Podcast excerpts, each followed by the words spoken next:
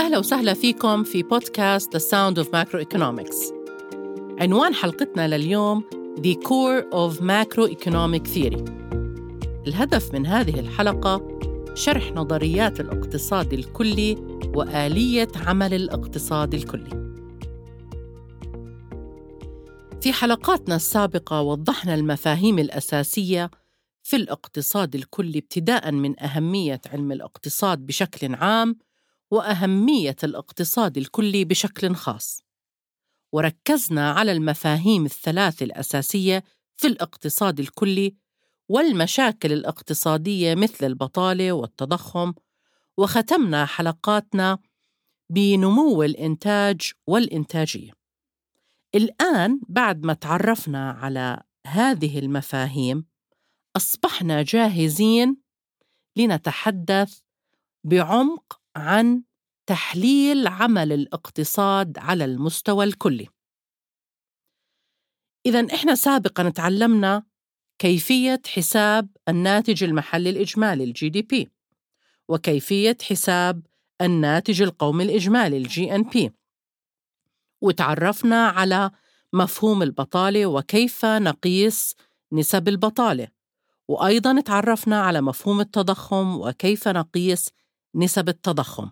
ولكن ما حكينا عن الآلية التي يتم فيها زيادة هذا الإنتاج.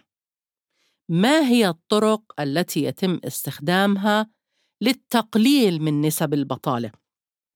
وما هي الطرق التي يتم استخدامها للتقليل من نسب التضخم؟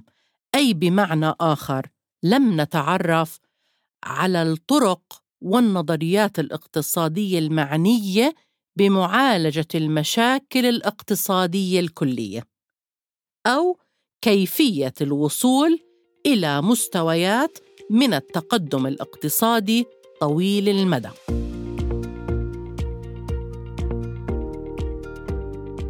هذا التحليل على مستوى كلي ليس بموضوع بسيط بل هو معقد ويتطلب فهم عميق لأهم نظريات الاقتصاد الكلي. ولكن حتى نفهم نظريات الاقتصاد الكلي لابد لنا من مراجعة المفاهيم التي تم شرحها سابقا وهي ما تعتمد عليه نظريات الاقتصاد الكلي.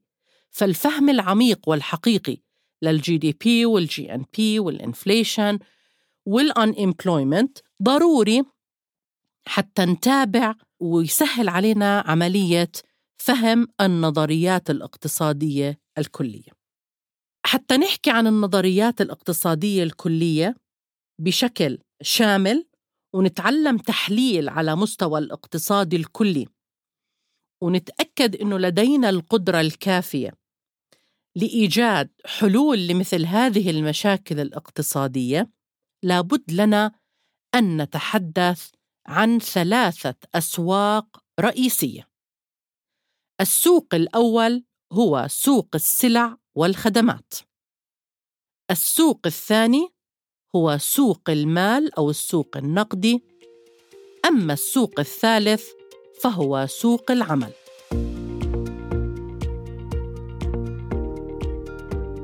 بماذا تهتم هذه الأسواق الثلاثة؟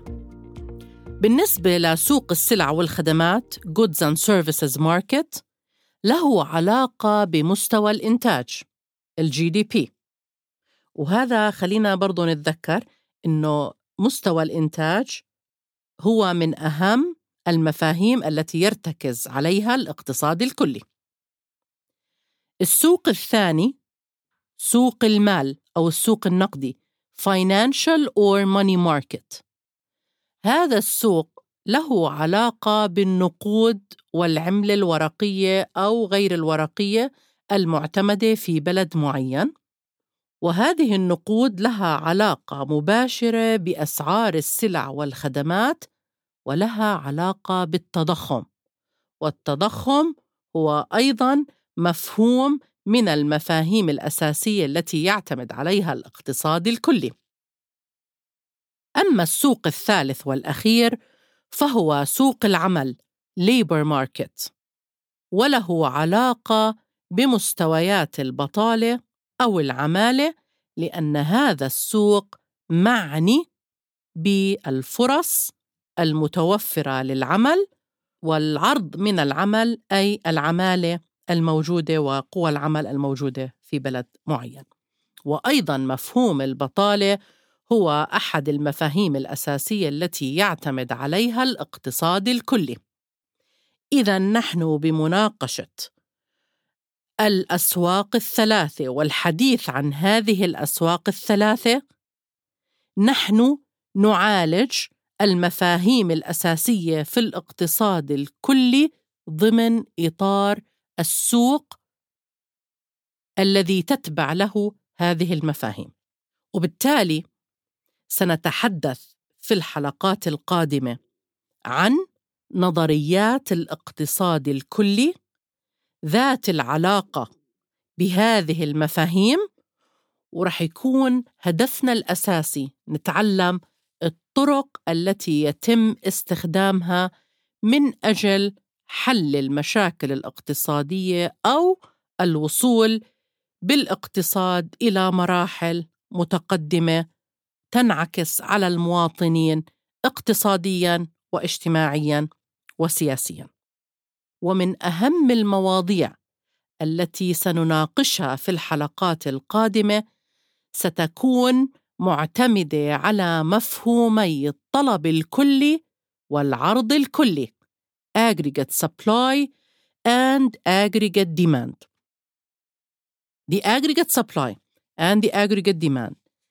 في نظريات الاقتصاد الكلي هي أهم الوسائل المستخدمة في التحليل على مستوى الاقتصاد الكلي.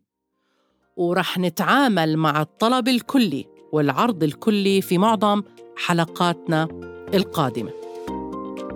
سؤال حلقتنا لليوم بالرغم من إنه حلقتنا كانت مقدمة لل core macroeconomic theory.